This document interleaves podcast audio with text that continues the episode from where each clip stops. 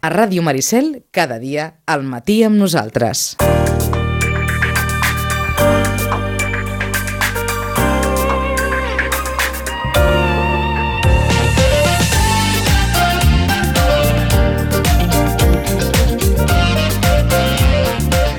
Deu i dos minuts. Mm, 18 de novembre, els ho llegiré perquè a mi, a mi m'ha fet gràcia la, el llenguatge, eh, l'expressió, del portal Futbol Total.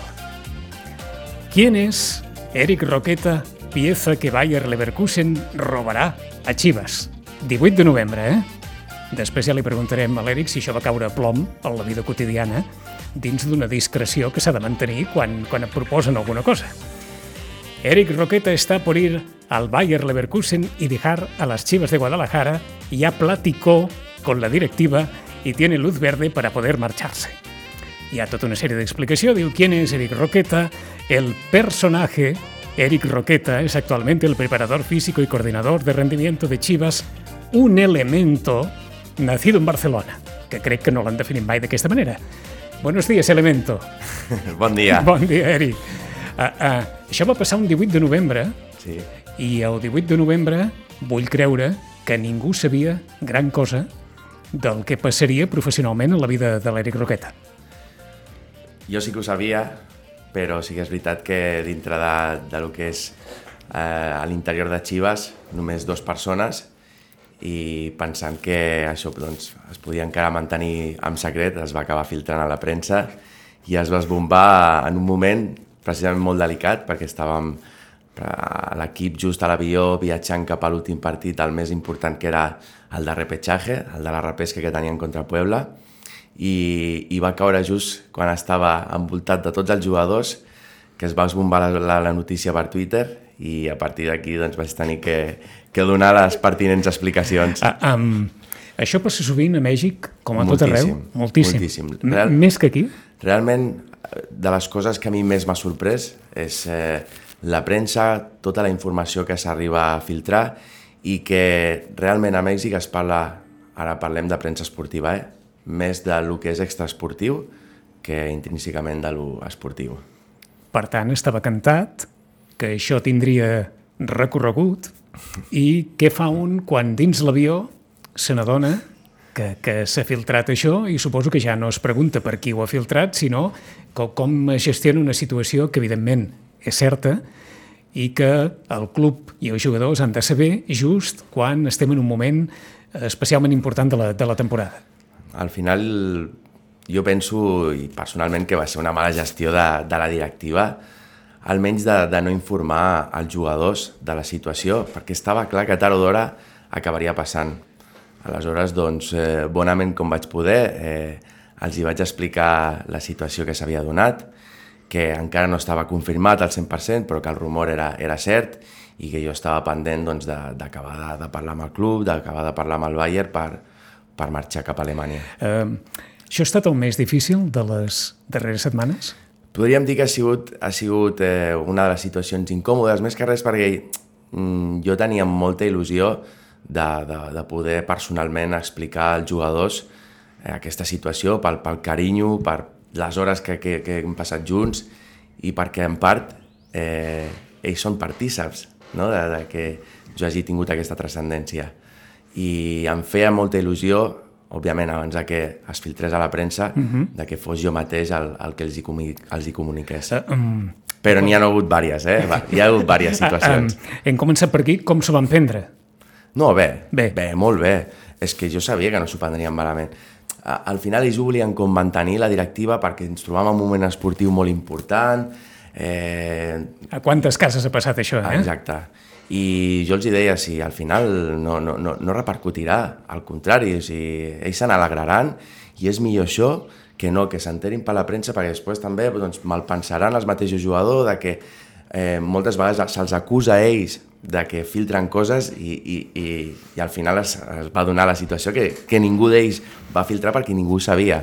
I això també els va encabronar. Fem una mica de marxa enrere en el temps. El desembre de l'any passat saludàvem l'Eric Roqueta, el saludàvem a, a través de MIT, perquè Correcte. la pandèmia i tota, totes aquelles coses que, que portava la pandèmia, i evidentment aquella història començava, havia començat al setembre de l'any 2019 a través d'un conveni amb el, amb el Barça que permetia que d'alguna manera el Chivas de Guadalajara tingués el coneixement del Barça, el coneixement tècnic del Barça i, o, i es pogués implementar a través de, de la figura de l'Eric Roqueta. Tot anava bé, fins i tot l'Eric plantejava que, que, que la vida a Chivas, tot i que havia començat per uns 8 mesos, 9 mesos, això seguiria, i quan apareix l'oportunitat de, del Bayern, aquí? Doncs eh, apareix justament en el moment que jo tenia que decidir, o bueno, acabar contracte amb Chivas. Jo vaig renovar un any més, era ja la, la, el meu termini a l'octubre, i, i allà, en, en aquell moment, eh, es va, o sigui, va sortir l'oportunitat, eh, arrel d'una trucada d'Isma, que, que Ismael Camenfort és un preparador físic que havia coincidit amb ell al Barça B, i, i em va comentar doncs, l'opció de, de poder anar al Bayer Leverkusen. Ell em va sondejar, eh, preguntant-me en quina situació em trobava, i a partir d'aquí, doncs, eh, que jo li vaig dir que estava pendent de, de, de la meva renovació amb Chivas, que encara doncs, no havia firmat res, i doncs, òbviament, eh, per l'oportunitat, pel club, per, per tot, eh, jo estava disposat a, a escoltar aquesta oferta. Perquè eh, renovar pel Chivas eh, volia dir desvincular-se del Barça? Sí, la desvinculació, sí. de fet, de, la desvinculació del Barça eh, ja va passar en el moment del canvi de presidència quan va entrar Joan Laporta, perquè van desestructurar l'àrea de rendiment de, de, del Futbol Club Barcelona, eh, l'àrea dels preparadors físics de futbol eh, van passar a una altra coordinació, l'àrea de rendiment pròpiament dita del Barça només formava part dels preparadors físics indoor i jo vaig sortir totalment d'òrbita en aquell moment. A partir d'aquí jo ja vaig comunicar a Chivas precisament la situació que havia, que havia passat i va ser quan ells em van dir que estarien encantats de que seguís a, a dins aquest projecte, que, que per ells era una, pre, una peça angular del club i, i que volien doncs, que, que seguís per, molt, per molta més temps. O, o sigui que d'alguna manera l'Eric va marxar del Barça abans que arribés la tempesta perfecta al club, perquè és evident que el Barça, des del 2019 en vara, ha- passat de tot, hi ha hagut canvis de tot i de tota mena, mm. com a, des de l'àmbit professional fins a, fins a l'àmbit social, i en canvi al Chivas, al Chivas hi havia més recorregut a fer, Totalment. totalment. De fet, ara ens trobem en una situació que nosaltres, eh, degut a, a, a la, a la, els hi van, amb, amb l'últim cos tècnic que hi havia, doncs van, van prescindir dels seus serveis i, i va haver-hi un interinatge no? per, per, per gent i membres de, de Chivas per portar el primer equip i a mi em van donar la màxima responsabilitat de la preparació física perquè anteriorment amb els altres havia fet de figura institucional no? i em dedicava i m'enfocava més al treball de, de força i a partir d'aquest interinatge que realment, encara que no es reflectís amb, amb resultats, l'ambient de l'equip, eh, el, el joc, eh, la dinàmica va començar a canviar i això va fer que decidissin que aquest interinatge ja formés part definitivament de, de lo que seria un, oficialment un primer equip. Mm -hmm. I, I la meva oferta sobre la taula era ja estar eh, com a màxim responsable de, del primer equip. Per tant, no era tampoc una decisió, no era una decisió fàcil. És a dir, la de Chivas era una oferta temptadora i la de Bayer Leverkusen era una oferta temptadora. Correcte. Què fa mm, escantar la balança? Sortir de la zona de confort, Vicenç. Per mi, eh, jo, jo sóc una persona que, que m'agrada molt els reptes, eh, he estat en tres països diferents, ara aquest seria el quart, i, i dins meu sentia que havia d'alguna manera completat tot aquest projecte Chivas, no? que, que partia de que eren vuit mesos i es van convertir en dos anys i mig, i quan dic sortir de la zona de confort vol dir tenir que esforçar-se a anar-te en un país on tindràs dificultats comunicatives, on viuràs una altra cultura, eh, futbolísticament un altre context, i, i jo sé que dins de la meva carrera és molt important no? el fet de, de, de, de tenir aquesta facilitat de comunicació amb jugadors de qualsevol àmbit, estrangers sobretot, amb anglès, i anar-me a Alemanya em podria fer trencar una mica aquesta barrera, que et podria dir que l'anglès més o menys em defenso, però amb l'alemany mm -hmm. ara hauré d'aprendre a partir del primer dia. Perquè, vista l'experiència, a, a Mèxic el futbol és més passió que tècnica? Sí, és més eh, individual. És més individual, individual que col·lectiu. Tot i que cada vegada doncs, estan entrant entrenadors més joves i, i amb altres idees i s'estan implementant noves metodologies. Eh, tradicionalment el, el futbol mexicà és un futbol més caòtic, eh, que depèn més no, de les individualitats dels jugadors. Que és com el país, si fa o no fa. Més o menys, sí? podríem dir que sí, sí? exacte, és el, és el reflexe Perquè de, Mèxic té aquest punt de, de, sí, sí, de caos. De caos, totalment. De caos, totalment. Totalment, totalment. Un, un s'integra, però, però és un món... El, els governs són molt, són molt corruptes, tu les infraestructures de, de moltes ciutats que, que hi ha molts contrastos, que no entens res, no obstant, és, és un país que jo he acabat enamorat. Realment, si algú ha de destacar és el fet de, de, per un estranger que et facin sentir com a casa mm -hmm. és superimportant. I o sigui, és un, és un caos que atrapa. Des del primer dia, perquè t'atenen molt bé, eh, realment t'obren les portes eh, sense, ningú, sense ningú problema allà on vagis i són molt educats, tenen una forma de, una forma de parlar que, que, que també t'encandila i després doncs, el clima, el menjar, et diria moltes coses positives que igual des de fora no? ens fa una mica de pànic quan sentim Mèxic, però una vegada estàs allà, òbviament, hi ha tot el que sentim, no? la, la, la corrupció i, i hi ha molts aspectes eh, singulars i peculiars que, que són negatius, però acaba compensant més les, les coses positives. I, I des del punt de vista de l'estructura, Chivas, que és un dels grans clubs de Mèxic, l'estructura és semblant o que pot ser un, un club de futbol aquí? Sí, la, sí. la veritat és que sí. Han de seguir treballant en la millora potser d'infraestructures, no? En el cas de Chivas, quan jo vaig arribar vaig fer un, un diagnòstic no? de, de, de tot el que hi havia i, i en el, bueno, hi ha més sentit propi de, de, del treball dels jugadors, el treball de força, gimnàs, les instal·lacions estaven bastant desacondicionades i es va treballar moltíssim per, per fer un projecte que al final d'un va acabar sent tres, que era el gimnàs del primer equip, el gimnàs de l'estadi i el gimnàs també de, de la base. I el més important és que ells eh, sabien, no eren conscients de, de que tenien que, que donar un pas més eh, i, i a partir d'aquí començar a treballar per, per millorar doncs, aquest desacondicionament mm -hmm. que tenien. Dèiem allò de la, de la passió perquè l'Eric va deixar Mèxic el 7 de desembre i en el seu speech de, de comiat, en el seu escrit de comiat, hi ha una frase que han reproduït tots els mitjans, allò de Chivas és México i México és Chivas. És així, això? Correcte. Al final és la, és la idiosincràsia tenint en compte que, que la peculiaritat una... per la gent que no ho sàpiga, Chivas és un equip purament de mexicans. I això fa que tingui doncs, un, un caire especial. I, i vulguis o no, jo doncs, el que t'he comentat anteriorment, mm -hmm. no? el fet de, de, del, del tracte que, que, que tenen, de, també les ganes no? de, de tirar endavant, de, de millorar les coses, però amb aquest punt caòtic eh? que, que, que els fa especials i Chivas és el gran reflexe també de, de Mèxic. Leverkusen està a uns 10 quilòmetres de Colònia. Colònia, que és una meravella, però Leverkusen és... Una ciutat industrial. I aquí s'ha acabat la, la història. Gris, fosc, Gris, fred. fosc, fred. Per tant, res a veure absolutament amb Guadalajara i amb Mèxic.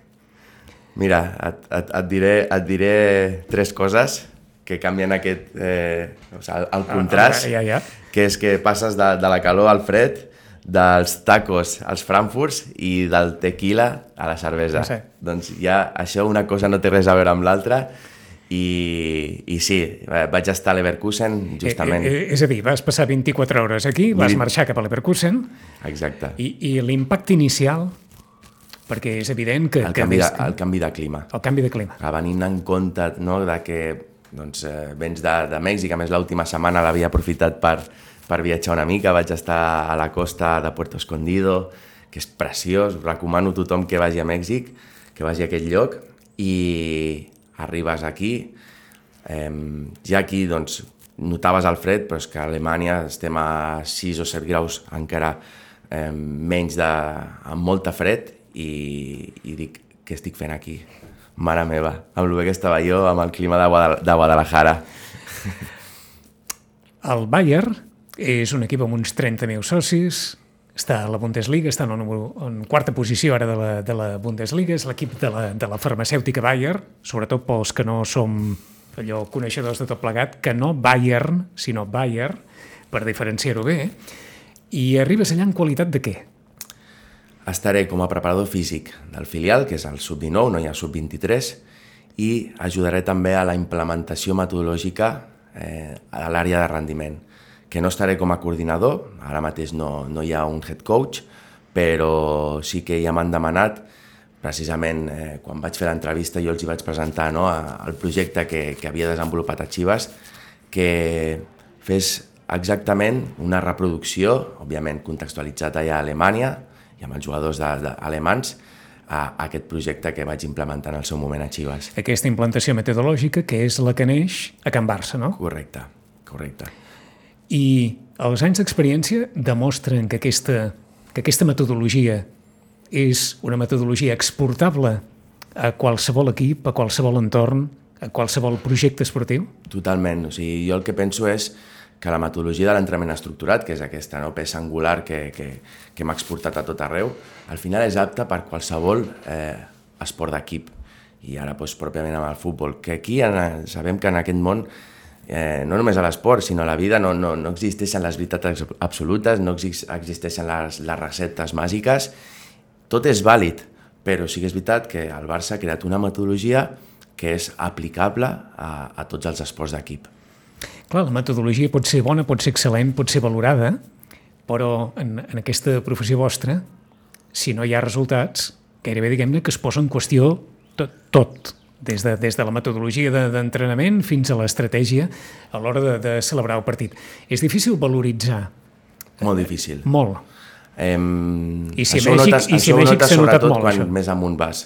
Eh, doncs quan més eh, un equip és d'alt rendiment, més es compten els resultats per sobre de, de la resta. Aleshores, doncs aquí a vegades no hi ha metodologia que valgui, sinó que és el guanyar, que és el obtenir victòries perquè et pugui donar continuïtat a la teva feina. Després, eh, com, com més institucional ets eh, dins d'un projecte, es valora molt aquest, es valora molt més aquest procés. Ho pregunto perquè quina ha estat o quina ha estat l'experiència amb, bé, l'home que dissenya l'estratègia dels partits, que és l'entrenador, amb l'home que dissenya la preparació física dels jugadors que després hauran de desenvolupar l'estratègia en els partits. Aquest, aquest rol, diguem-ne, aquesta comunicació, com s'estableix? Quina, quina ha estat l'experiència que has viscut i, la, i les que poden venir?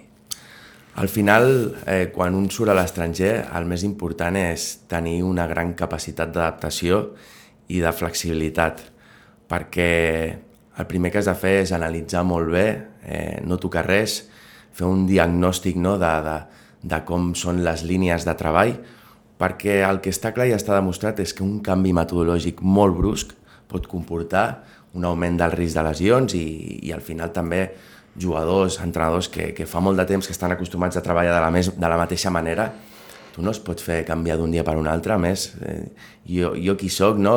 que vinc de fora per, per canviar aquí alguna que estan fent, que a ells segurament en molts moments els ha donat resultat, aleshores eh, és important aquest recolzament que tinguis des de dalt, no? des de la directiva, per, per anar implementant a poc a poc aquest canvi metodològic, però ha de ser tot molt, paulatí, molt paulatinament. Costa I a partir d'aquí doncs, anar uh -huh. integrant les dues idees, que és eh, la del cos tècnic amb la teva i, i, i quina és la millor, al final és la millor, metodolo la millor metodologia de treball per aquest equip. Perquè des del punt de vista professional, creus que s'ha avançat amb el coneixement de la, de la vostra feina? O sigui, quan es parla d'un equip i sempre focalitzem en l'entrenador i que cal canviar l'entrenador, que cal eh, contractar nous jugadors, etc etc. però l'àmbit de la preparació física, sigui en la disciplina que, que sigui, creus que, que està fent forat o veritablement continua sent un àmbit que només els especialistes veritablement posen sobre la taula quan cal, quan cal canviar coses? Al final tot és necessari. tot és important i tot s'ha de tenir en compte. Eh, és, I s'ha d'integrar tots els elements.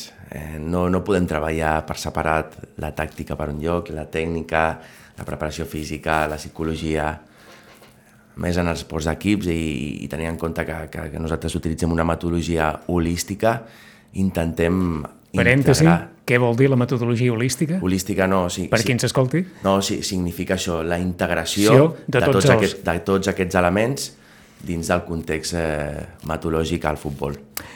Juga molt diferent el Bayern que el Chivas. Exacte.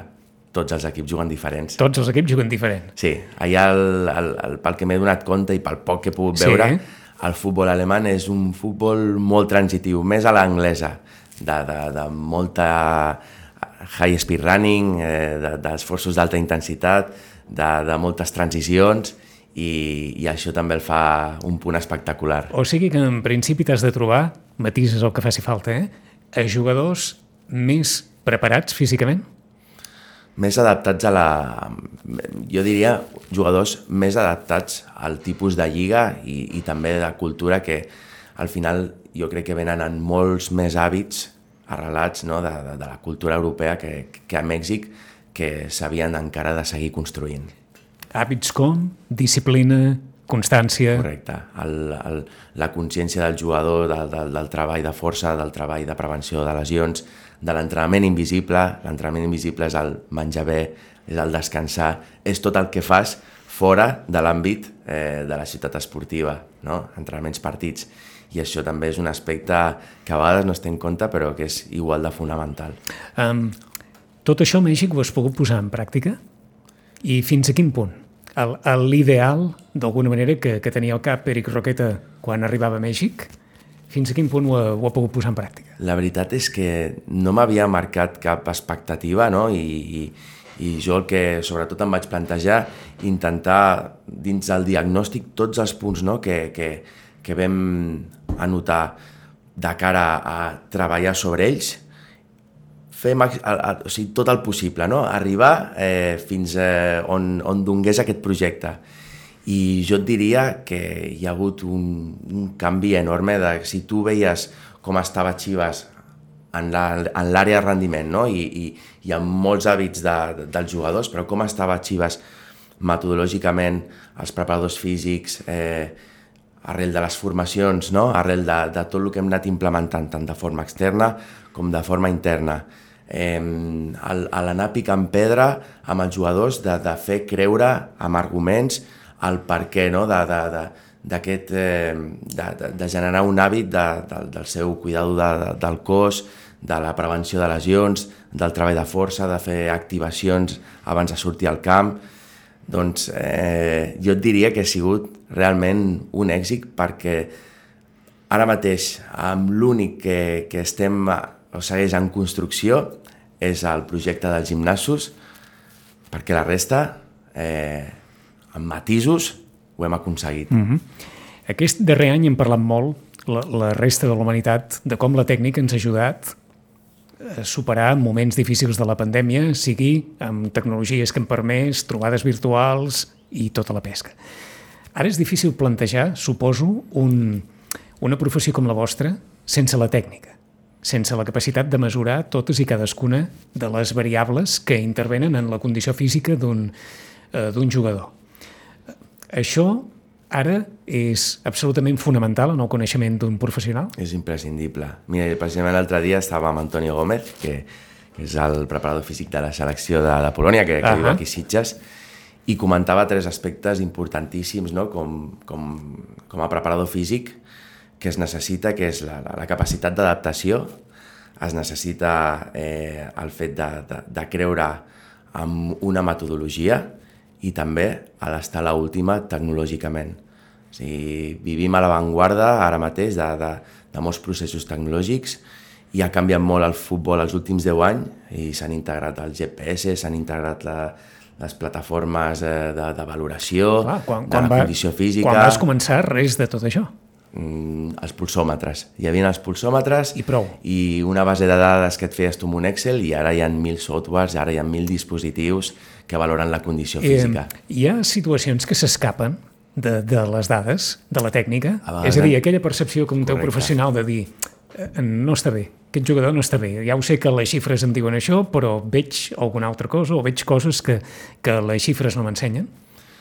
Ens tornem bojos amb les dades, jo penso, Sí? I el que acabes de dir, o sigui, estic totalment d'acord que en molts moments una sola conversa amb un jugador és més important que qualsevol entrenament. No? O sigui, el no perdre aquest feeling, el no perdre el, el, el tu a tu, les sensacions, eh, al final ells són els que eh, estan al dia a dia i, i, i reben el teu entrenament i tu pots tenir moltes dades, pots tenir molts números, però no sabràs mai exactament eh, com, com percep el, el jugador a l'entrenament o si li ha passat alguna cosa. Per això és important eh, que estem treballant amb persones, no estem treballant amb, amb, amb màquines. Eh, eh, doncs on es marca aquella línia? És clar, quan parlem del factor emocional, aquella línia que ha de separar el professional de la seva feina en l'àmbit físic i el professional de la seva feina en l'àmbit de jugador, en l'àmbit de, del futbol. Doncs tenim, tenim una cosa que és, jo crec que, que ha de ser intrínseca a qualsevol persona que es dedica a l'àmbit del, del futbol, que és el de la comunicació. És el de la comunicació. Però quan un estudia preparació física, segurament no, no li ensenyen que en algun moment es trobarà amb algun jugador desmuntat emocionalment que arribarà al gimnàs i jo què sé, i potser, i potser se li posa a plorar allà. Eh, Això no, no està a cap classe. Això hi ha molt... És que hi ha... Això és és el que comentaves, el tema de l'experiència, no? Que, que al final jo cada vegada que, que vaig saltant d'equip en equip i van passant els anys, em qüestiono més la, la meva feina i, i sí que intento doncs, tenir-ho tot en compte, no? la, les dades i al final també la tecnologia ens ajuda, però l'experiència, la comunicació amb els jugadors, el fet de que tu puguis parlar amb ell, el fet de que ells et, et, et donin la, les sensacions, perquè és un exemple, no? Eh, un jugador eh, teníem estimat fer una càrrega no? a, a l'equip, imagina't, amb GPS, que, que és un, a dos dies de partit, que no hi ha molta volum, a fer uns 4.000 metres no? de distància, i es compleixen les variables que et dic que són pocs metres i per lo normal la percepció de fatiga és, és, és, és dir, hauria de ser poca. Mm -hmm. Però tu quan tu envies un qüestionari o quan tu vas amb un jugador i li comentes no, que et doni una valoració de l'1 al 10 i et diu que ha reportat un 8, ostres, no t'ho pensaves i això algú passa aquí, no? Salta És una dir, alarma. Entre la percepció personal del Correcte. jugador i les dades sobre la taula. Exacte, i tu li, i tu li preguntes i allà és quan et diu, mira Eric, és que mm, he tingut un problema aquesta nit, la meva filla Sí, sí, s'ha sí. posat malalta, hem tingut que anar a l'hospital, no he dormit, ostres, i per què no m'ho deies abans, haguéssim gestionat o dosi- dosificat l'entrenament, o penses, mira, doncs de cara a demà eh, faràs poc i més. Ens va bé aquest exemple per, per dues qüestions. És clar, en aquest, en aquest món on us moveu els professionals de, del futbol, com que hi ha tant de diner, donem per entès que un professional que cobra el que cobra, diguem-ne, bé, no m'expliquis els teus problemes perquè tots en tenim i, per tant, eh, això que sembla tan obvi des de fora, des de dins, els problemes d'un home que guanya, jo què sé, un milió són els mateixos que si en guanyés eh, 30.000 euros. Correcte. Correcte. Jo l'altre dia, mira, precisament això, li preguntava a Andrés Martín, que ara ha pujat, és, és, és un preparador físic de l'àrea de rendiment del Barça, estava al juvenil A, i ha pujat al primer equip. Per tant, Tinc molta amistat amb ell i jo li pregunto... davant té tots No, clar, aquests professionals Dic, dic escolta, com, com, com perceps no, què és el que veus estant a, a la màxima Sí, èlit del sí, sí, futbol, sí. no? Diu, mira, Eric, sí, són persones igual que nosaltres, però que guanyen molts milions. Però al final són persones normal i corrents que, perdona l'expressió, caguen i pixen Sí, sí, com sí. nosaltres. Però això és difícil de justificar, no?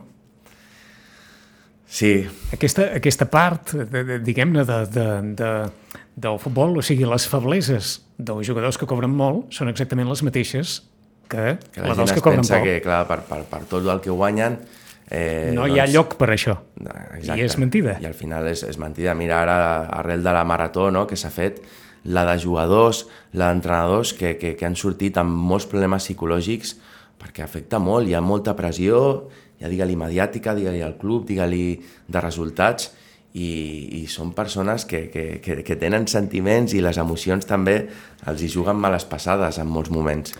En aquest any has tingut oportunitat també de participar en moltes ponències o de fer moltes ponències i per tant de tenir eh, eh professionals que volen començar en, en tot això.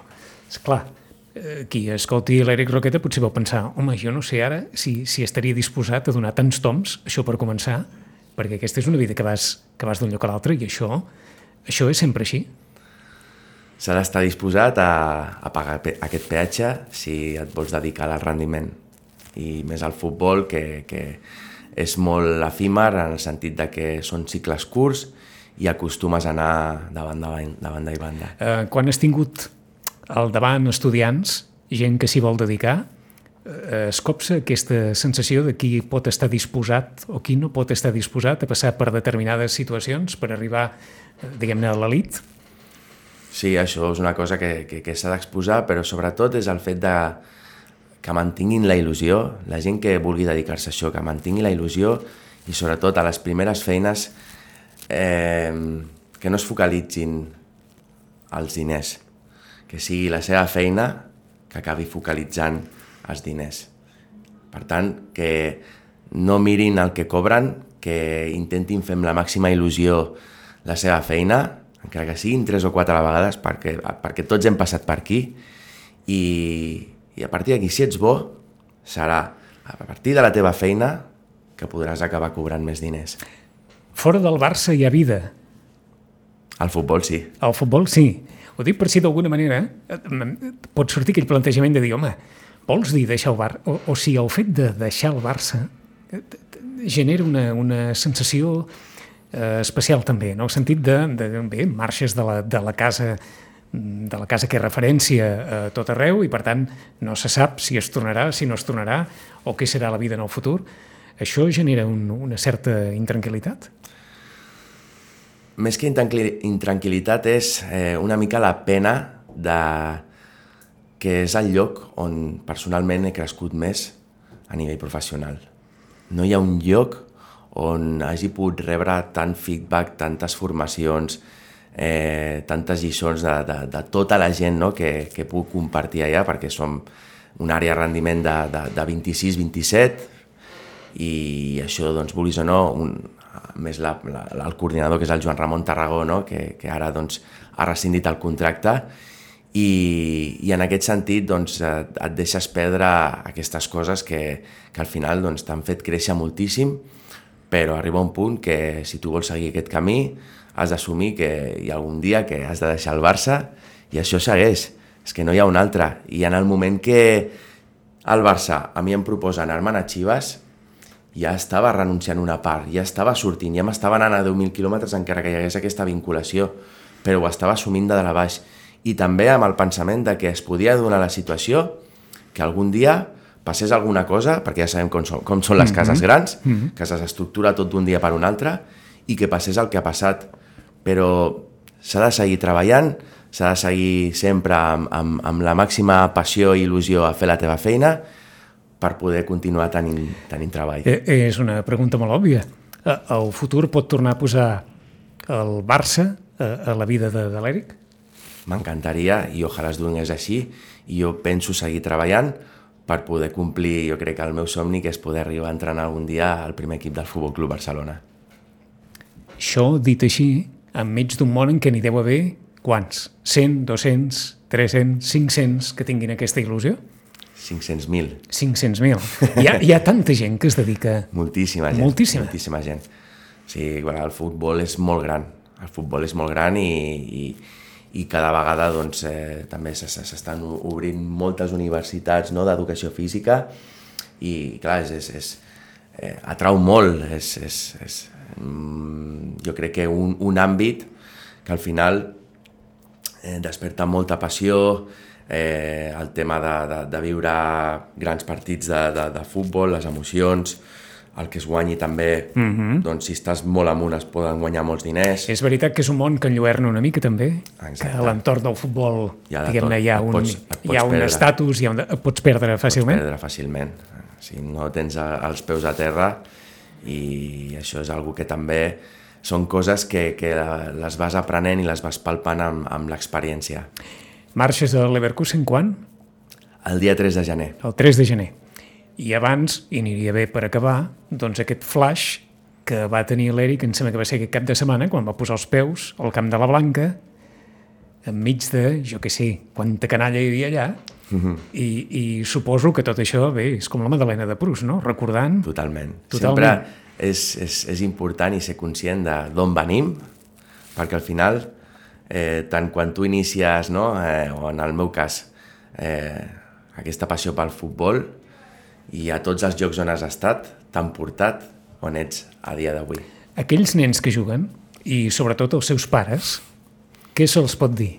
Perquè és evident que des que jugaves a la Blanca Subur o des que estaves a la Blanca Subur, amb ara el futbol s'ha convertit gairebé diríem que en un objecte de desig mm. que, que segurament molts pares i moltes mares o moltes famílies potser a vegades fiquen en el punt de mira de, del seu nen o, o, o de la seva nena. Jo els hi, et diré el que els hi vaig dir amb els jugadors, que pobrets tenien 6-7 anys, que, que la comunicació s'ha de ser Ahà. no? No molt, la, molt, molt, molt directa i explícita. I que juguen per divertir-se. Exacte, però sobretot és que hi ha dues maneres de ser professional del futbol.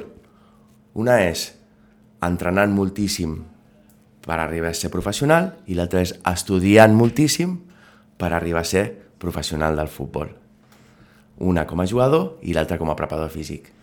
Que les dues eren importantíssimes i en aquest cas, eh, i a la vostra edat, el que teniu que fer és jugar, passar-ho bé i estudiar moltíssim per algun dia poder arribar a ser professional del futbol. Mm -hmm. Què és el primer que s'aprèn amb alemany?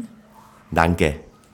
Bueno, no és una mala paraula. I el primer que... És clar, en el, en la, en el llenguatge, en, en la jerga mexicana, què, què és, eh, diguem-ne, bastant habitual? Jo que sé, un renec habitual a Mèxic, què és? Chinga tu madre Chinga tu madre.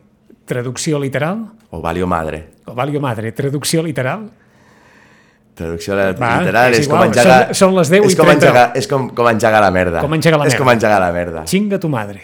Vés a prendre pel cul. Vés a prendre pel cul. Aquesta seria la traducció literal. Eric, felicitats. Sort en el futur. Moltíssimes gràcies, Vicenç.